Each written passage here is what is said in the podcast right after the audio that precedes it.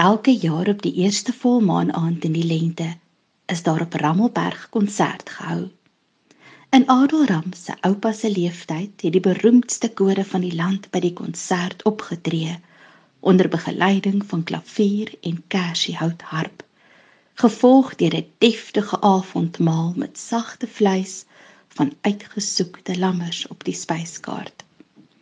Maar Adelram het die tradisie eie kinkel gegee. Hand aan hand het hy die kinders in 'n lang ry op die oewer van die meer gelei swish swish deur die rietbos. Sikkie sikkies na die gedeelte waar die vroegste vuurvliee van die seisoen al verskyning maak.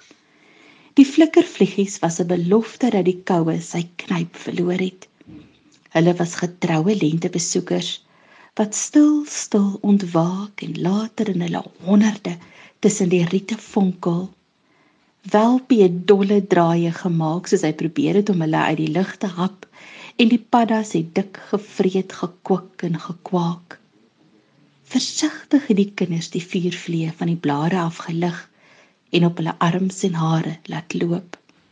Terwyl Eron hulle dophou, het hy gesê eendag as hulle groot is gaan hulle dink hulle het gedroom dat daar iets so mooi kon wees in die middel van hierdie verskriklike tyd dan is dit goed dat hulle mekaar het.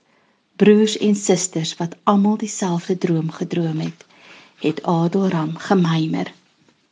Dan uit bladsy 289. Terwyl hy hom aan die rivier oorgee, het elke sielsverdrietige herinnering vir 'n rukkie verdamp, sodat Eron verbygaande mag geheel en al vergeet het dat daar ooit iets soos 'n vuurstorm bestaan.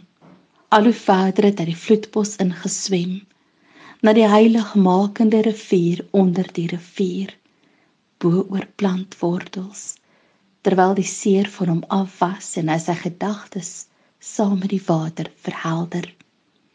Die tyd toe Eron uit die Lethe rivier gestap het was die namiddag gehul in die hemelse gloed Lia het verder stroom opgesweef geloop sweefagtig. Sy het omgedraai en hom aangekyk, die pragtige seun wat uit die water stap, en vir hom gewink om haar te volg. Waar die Letterrivier en die Eno rivier virk, het sy hande water geskep en gedrink. Eron het haar voorbeeld gevolg en plotseling was hy intens bewus van al wat leef en beef. Die warrelwind bo die woud. Die bejaarde wurgvy 'n knobbelrige woudreus met toegerankte skouers wat 'n ligpad vir die ape vorm. In die hoë mikke was hangende blomme. Eron se oë het weer na die water gedwaal.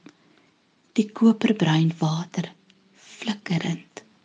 En Lia Lia in die water feeriek voor hom met 'n vlinder oor die rivier uitgevlieg, hemelsblou met 'n vlerkspan so wyd soos sy twee hande.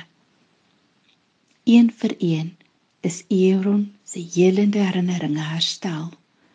Totdat hy onthou het van 'n gebeurtenis 17 jaar tevore, toe die vlinders saam met die bloeisels uit die takke agter sy ouerhuis in skittering aan die tjurkus gewaai het en sy mondhoeke vir die heel eerste keer boontoe gekrul het in 'n glimlag vir sy pa.